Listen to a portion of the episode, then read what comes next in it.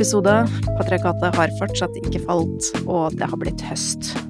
Ja, det var en eh, trist eh, start. Litt dårlig start. Få tenke på at stemninga tar seg opp etter hvert, eller? Det er jo Jeg syns jo det er masse positive små drypp hele tiden, da. Det er jo liksom det jeg eh, leter etter når jeg er ute i mediene og sånt. Sånn positive ting, klamre seg til her.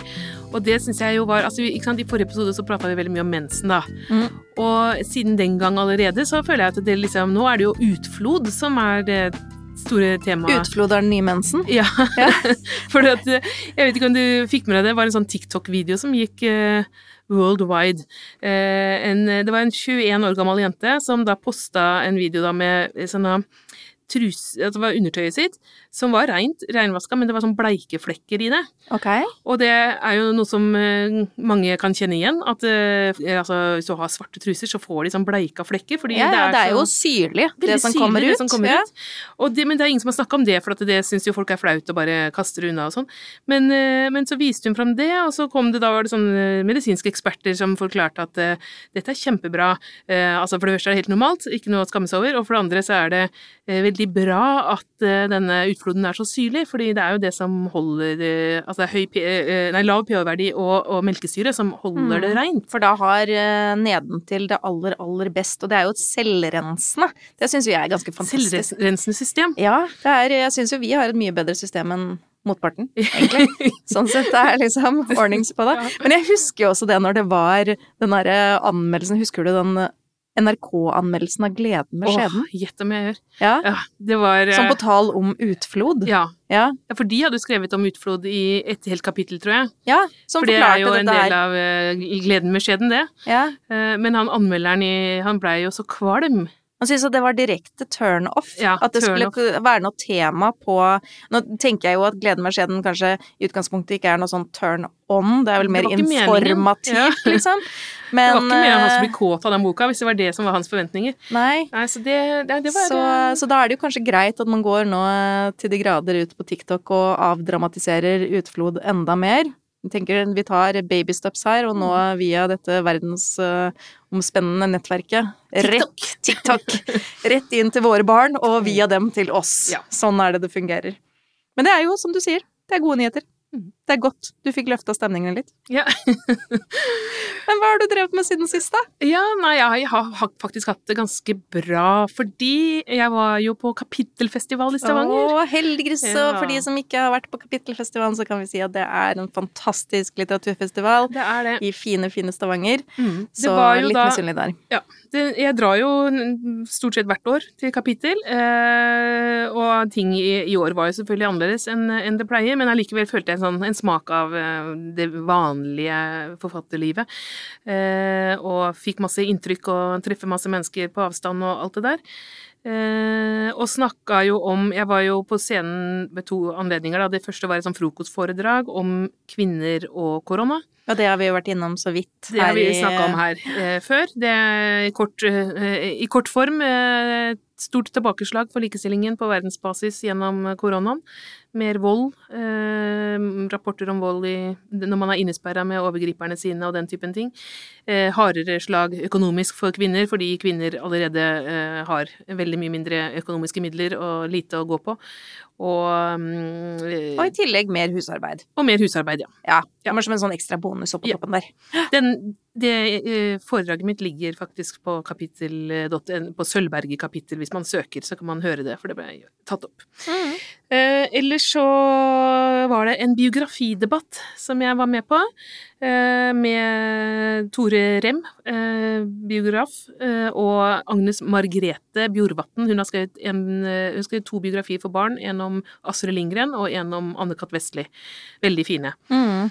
Ehm, og vi snakka også om kjønn i den forbindelse, blant annet dette triste faktum at åtte av ti biografier som kommer ut, eh, handler om menn. Og det er på en måte et faktum som jeg brukte eh, i eh, en bok eh, som kom i 2016, eh, 'Sexy damer du skulle ha møtt', så nevner vi det. Og da var en av de her så var det sånn 'Er det fremdeles sånn?' var, noe, var spørsmålet, da.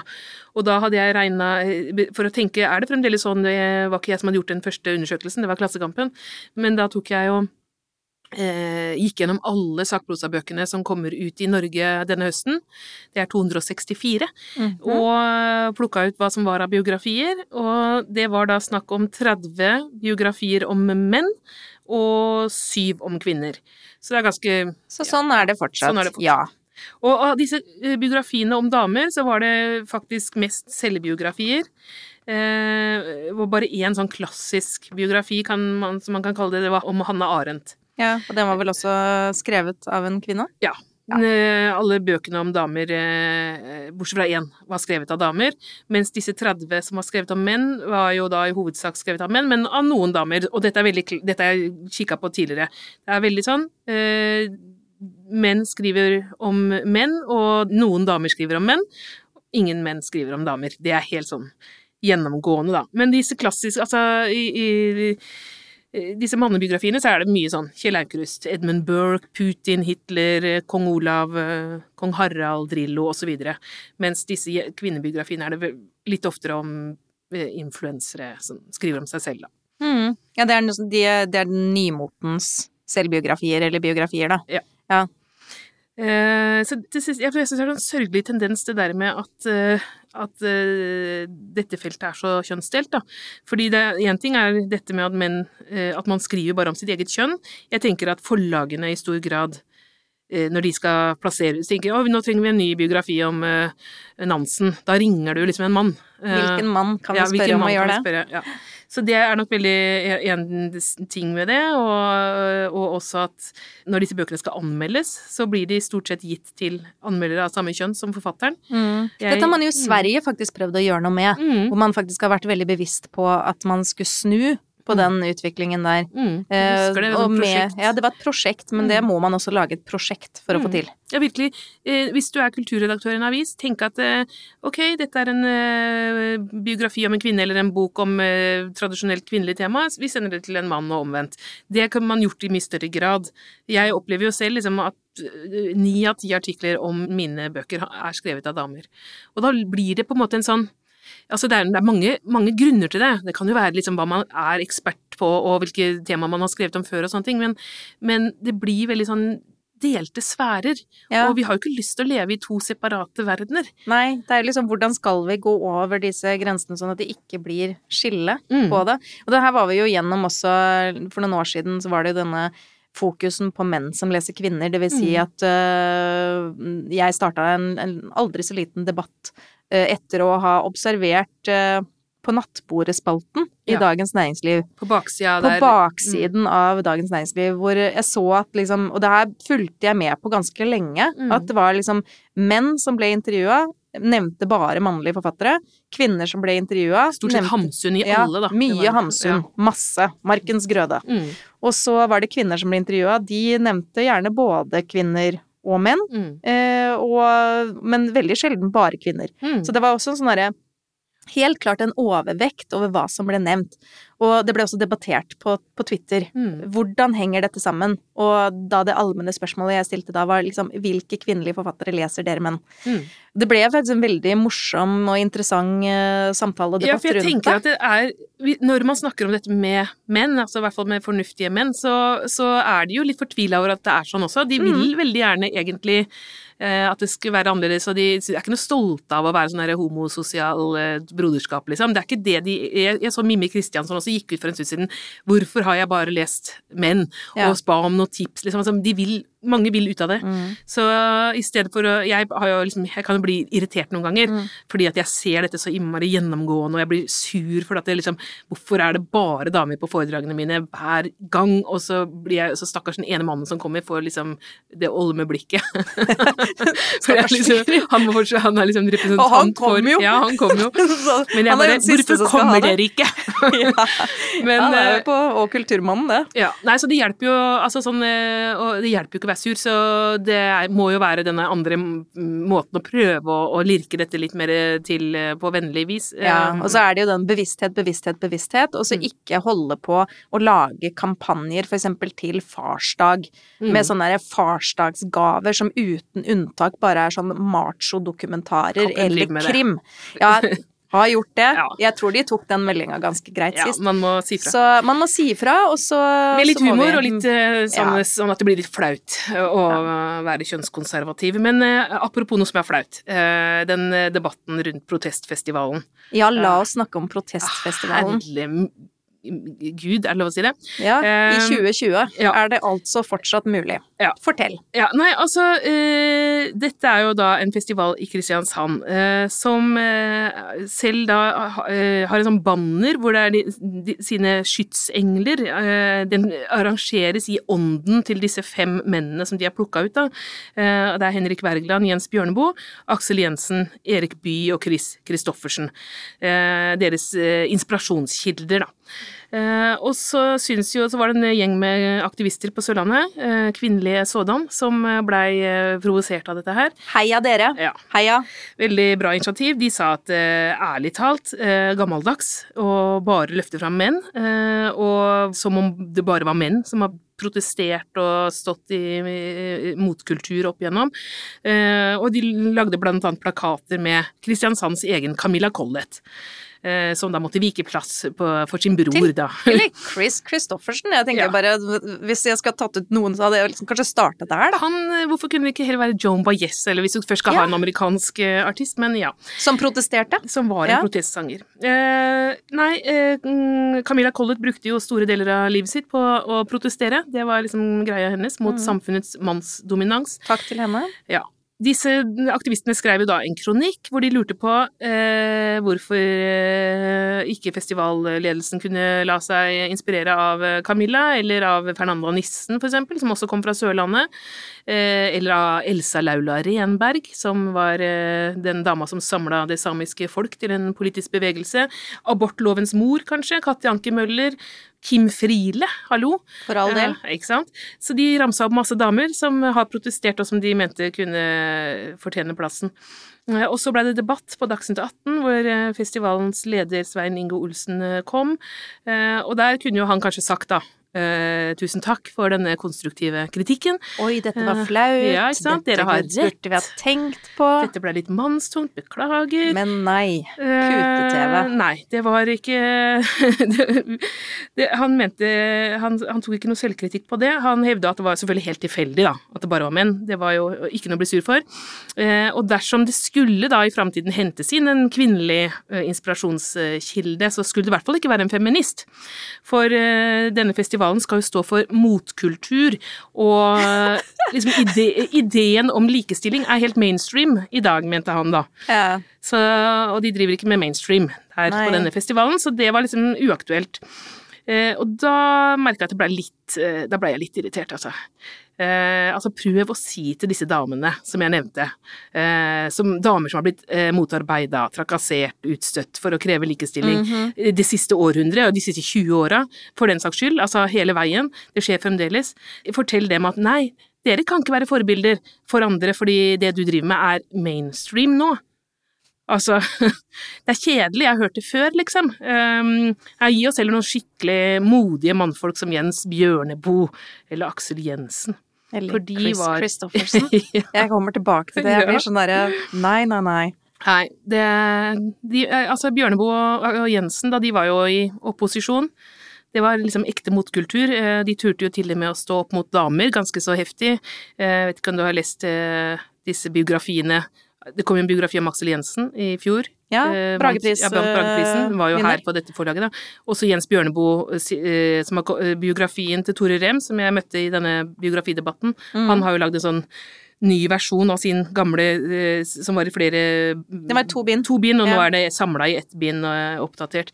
Eh, når man leser disse bøkene, som er for så vidt eh, veldig gode biografier, begge to, eh, så ser man jo da at eh, det- ja, de var jo de hadde et mildt sagt tvilsomt kvinnesyn, da, eh, noen av disse eh, heltene til protestfestivalen. Eh, Bjørneboe, for eksempel, var, det jo, var det jo sånn at han blei jo dømt for en, et overgrep, et seksuelt overgrep, i ung alder, og resten av livet omtrent så var han veldig opptatt av å fortelle at det å bli dømt for overgrep Det kunne hvem som helst gjøre, bare de var aleine med en kvinne i 20 minutter. Mm.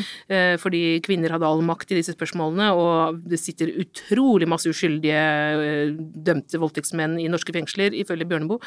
Eh, Aksel Jensen var jo eh, mye verre på feltet. Han, eh, han hata jo kvinner, tror jeg. Han behandla dem i hvert fall ekstremt dårlig. Også ungene sine. Han hadde fem barn med fire ulike kvinner, og fulgte ikke opp noen av dem, eh, disse ungene. Han ville ikke ha noe med dem å gjøre. Og var en notorisk løgner og drittsekk osv. Men han er da altså inspirerende nok Mm. for protestfestivalen, mens eh, Camilla Collett eh, ikke er det. Så sånn men, men hva tror du skal til, da? Hvordan hadde det vært? Liksom, hva, hva skal til for at, for at en kvinne skulle kunne ha vært en av disse inspirasjonene for protestfestivalen? Jeg tenker at hvis du går imot feminisme, for eksempel, det syns Ah. jo de sikkert er veldig motkultur. Så hvis du er liksom sånn Hanne Nabinto Hærland-type, tror jeg de liker bedre. Mm. Eh, noen som, eh, som tar på en måte deres side, da.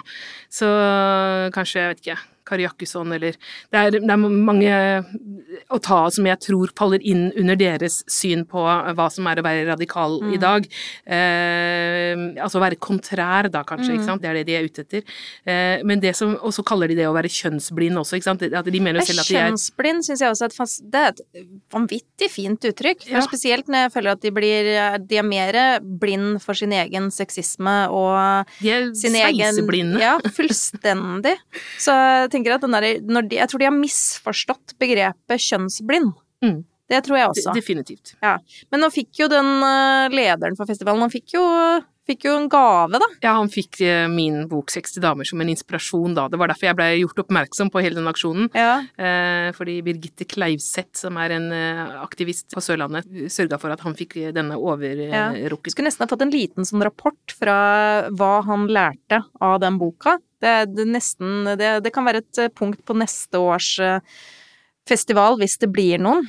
Det vil jeg tro da. Mm. Jeg kommer ikke. Men er det jo noen Altså, disse forbildene som blir snakka om i denne protestfestivalen. De forbildene har jo også noen forbilder. Ja. Og hva slags forbilder var de, Ja, nei, syns du? tenker på uh, beat-generasjonen, fordi Ja. uh, Aksel Jensen han debuterte jo med en roman som het Ikaros, som blei kalt for den norske, første norske beat-romanen, da. Og det uh, var jo mye positivt med beat-generasjonens opprør mot det bestående osv. Eh, men noen mer usympatiske gjeng skal man også leite veldig lenge etter. Jeg, jeg driver jo og samler på sånn ekstremt kvinnenedverdigende sitater, og der eh, kommer de høyt opp, mange av disse mannfolka her. Eh, jeg leste nylig en veldig interessant artikkel i bladet Historiskan, som er et Eller Historiskan? Historiskan. Historiskan heter det. Svensk eh, blad om kvinner gjennom historien, og der var det en artikkel om kvinnelige beatpoeter. Og jeg hadde ikke hørt om noen av dem, men når jeg leste artikkelen, så skjønte jeg at de hadde jo vært der hele tiden, og mange hadde gitt ut mye bra, og det var, det var kjempespennende, men det var jo på en måte blitt helt Ja. Øh, Jeg tror ikke de ble løfta opp og frem de av disse såkalte gode vennene som de skulle være likestilt med. Og de fleste av disse måtte også bruke mye tid på å reinskrive manusene til disse narkomane poetene som de vanka med, da. For de var jo alkoholikere og narkomane, de fleste av dem. Og, og så tenker jeg med sånn eh, altså, han, altså William Burroughs, for eksempel, da, som var et stort navn i dette miljøet. Han eh, var jo en spesiell type. Så tenker jeg, la oss si at William Burroughs hadde vært en dame. Eh, da kan du liksom se for deg da en narkoman kvinnelig forfatter som er lesbisk, og som åpent, eh, og ikke ser så veldig bra ut heller, og åpent går ut og sier at hun hater jøder, og at hun hater menn, sånn generelt, for dette, det var jo sånn han var. Eh, og så en dag så dreper hun mannen sin i en eh, mislykka drikkelek. Var ikke med vilje, men dessverre døde. Ja, veldig uheldig. Veldig uheldig. Ja. Eh, tenker jeg, denne dama, hadde hun liksom blitt utropt til sånn til gudmor for en hel generasjon punkmusikere, for han ble jo liksom et idol også for generasjoner etterpå, eh, og løfta, altså hadde, altså det at han drepte dama, tror jeg bare gjorde at de syntes han var enda mer mystisk og rå og kul, egentlig. Um. men det, det bare, det funker ikke Nei. for kvinner. Det gjør ikke det. Ikke at jeg har så lyst på sånne, jeg har ikke lyst på den typen kvinnelige forbilder, men det Nei, er bare den derre Jeg har ikke så lyst på de mannlige heller, som oppfører seg sånn, men det er jo akkurat den der at det blir ikke noe, det blir ikke noe fokus på det i det hele tatt, for han var så eh, grenseoverskridende, og han levde et så vilt og poetisk liv. Ja. Så da er det plutselig greit. Altså med vold, for eksempel. Altså, øh, ja, Polanski er jo et veldig godt eksempel. At det, selv om han øh, var en voldtektsmann, øh, eller voldtok tenåringsjente, så ble, er han fremdeles sett på som en veldig stor regissør. Altså, det, blir på en måte, det, det er den ene siden, og så er det fremdeles kunsten. ikke sant? Eh, og sånn er det med, med Norman Mailer også. Han drepte også kona si, tror jeg. Eh, men det blir sett på som en sånn Og Phil Spector. Man tenker han drepte jo også en dame, men det var jo på en måte en sideting. Så de får liksom lov å være begge deler, både kunstner og drapsperson, mm, eller voldtektsmann, mens en kvinne som hadde gjort noe lignende, da ville liksom kunsten hennes vært eh, Vært over og borte. over og borte og Ja. skrevet ut for lengst. Så det er på en måte akkurat det eh, som er den der doble standarden da med enten Altså nå er det ekstreme tilfeller vi snakker om med, med voldtekt Mm. og drap, men, eh, men vanlig sånn usympatiskhet, da, eh, Ja. og alkoholisme og dop og utroskap, det tilgir vi litt lettere eh, menn enn kvinner. De slipper unna med mer dårlig oppførsel. Mm.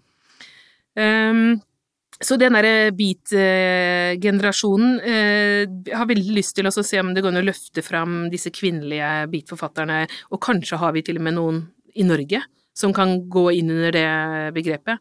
Jeg vet at det var en poet som het Kate Ness, som er veldig glemt i dag, som var ganske stor eh, på 60-tallet i Norge, og var hun som fant på navnet på klubb, klubben Klubbsju. Ja. Eh, og hun tror jeg eh, er en av de som jeg er litt nysgjerrig på. For jeg er sikker på det fins en del eh, glemte damer i, Ja, og i det sjiktet. Og da også tenke på ikke bare å løfte frem det de skrev, den litteraturen de skrev, og, og finne frem det, men også da som inspirasjon til kanskje en mann der ute som har lyst til å skrive en biografi om en kvinne, Mm. så tror vi det fins noen gode navn der.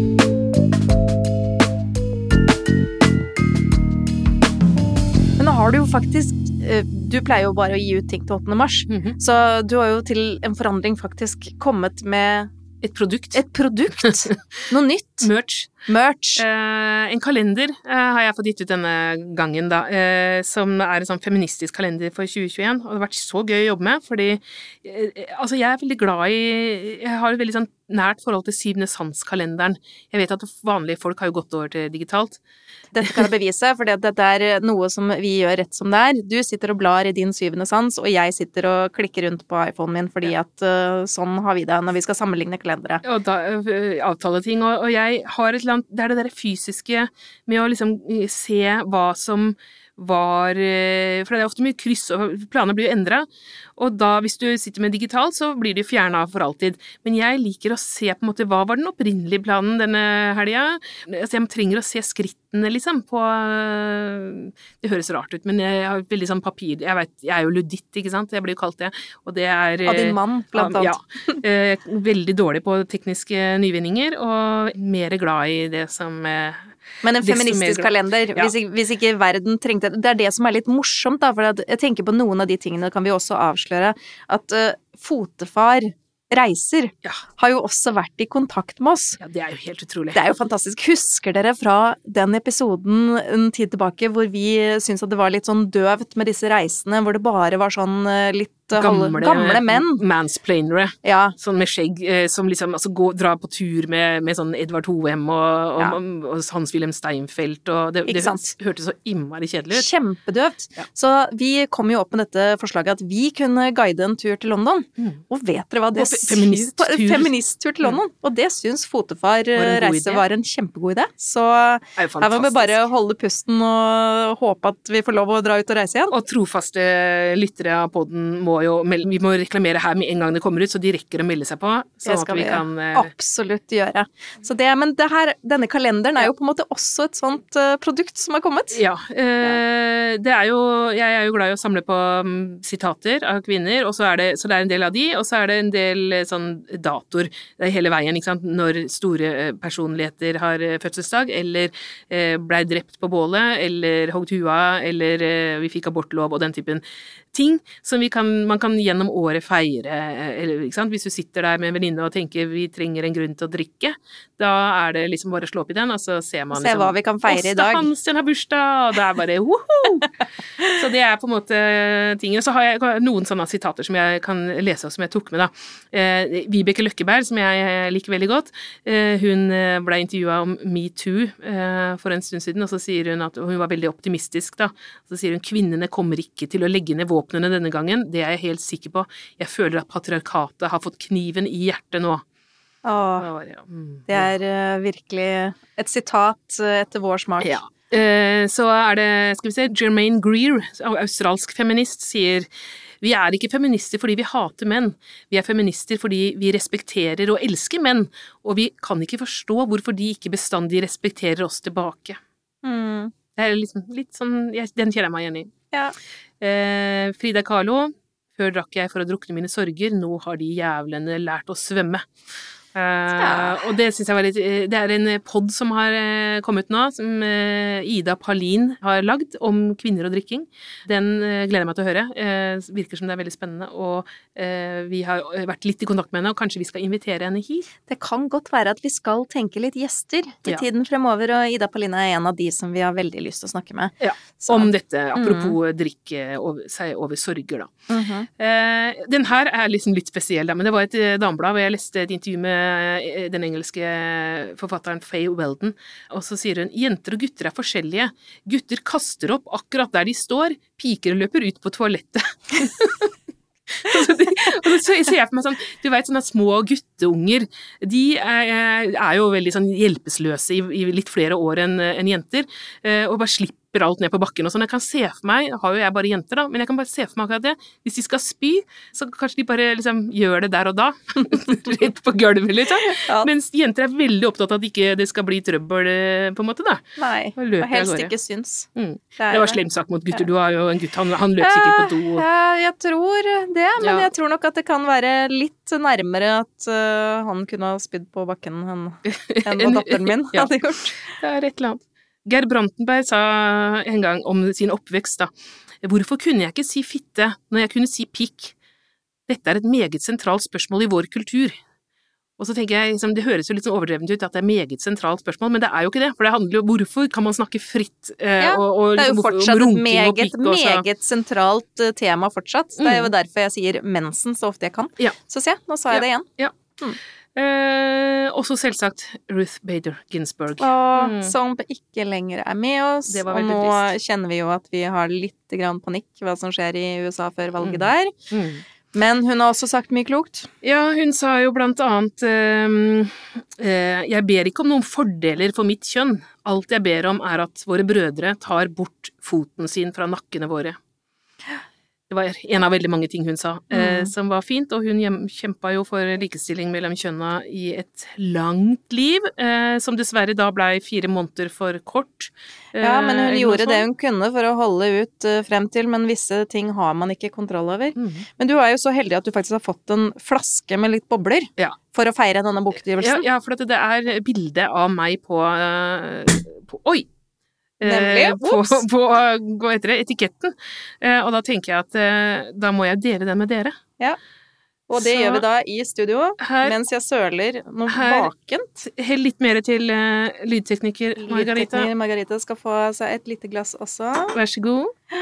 Det er jo drikke Det er ikke så ofte du har eh, kremant med bilde av deg selv på, altså. Nei, det er ikke Nei. det. Så jeg foreslår at vi tar en eh, skål for, ikke for boka mi, det får være måte på, men Nei. for uh, Ruth Bader Ginsburg.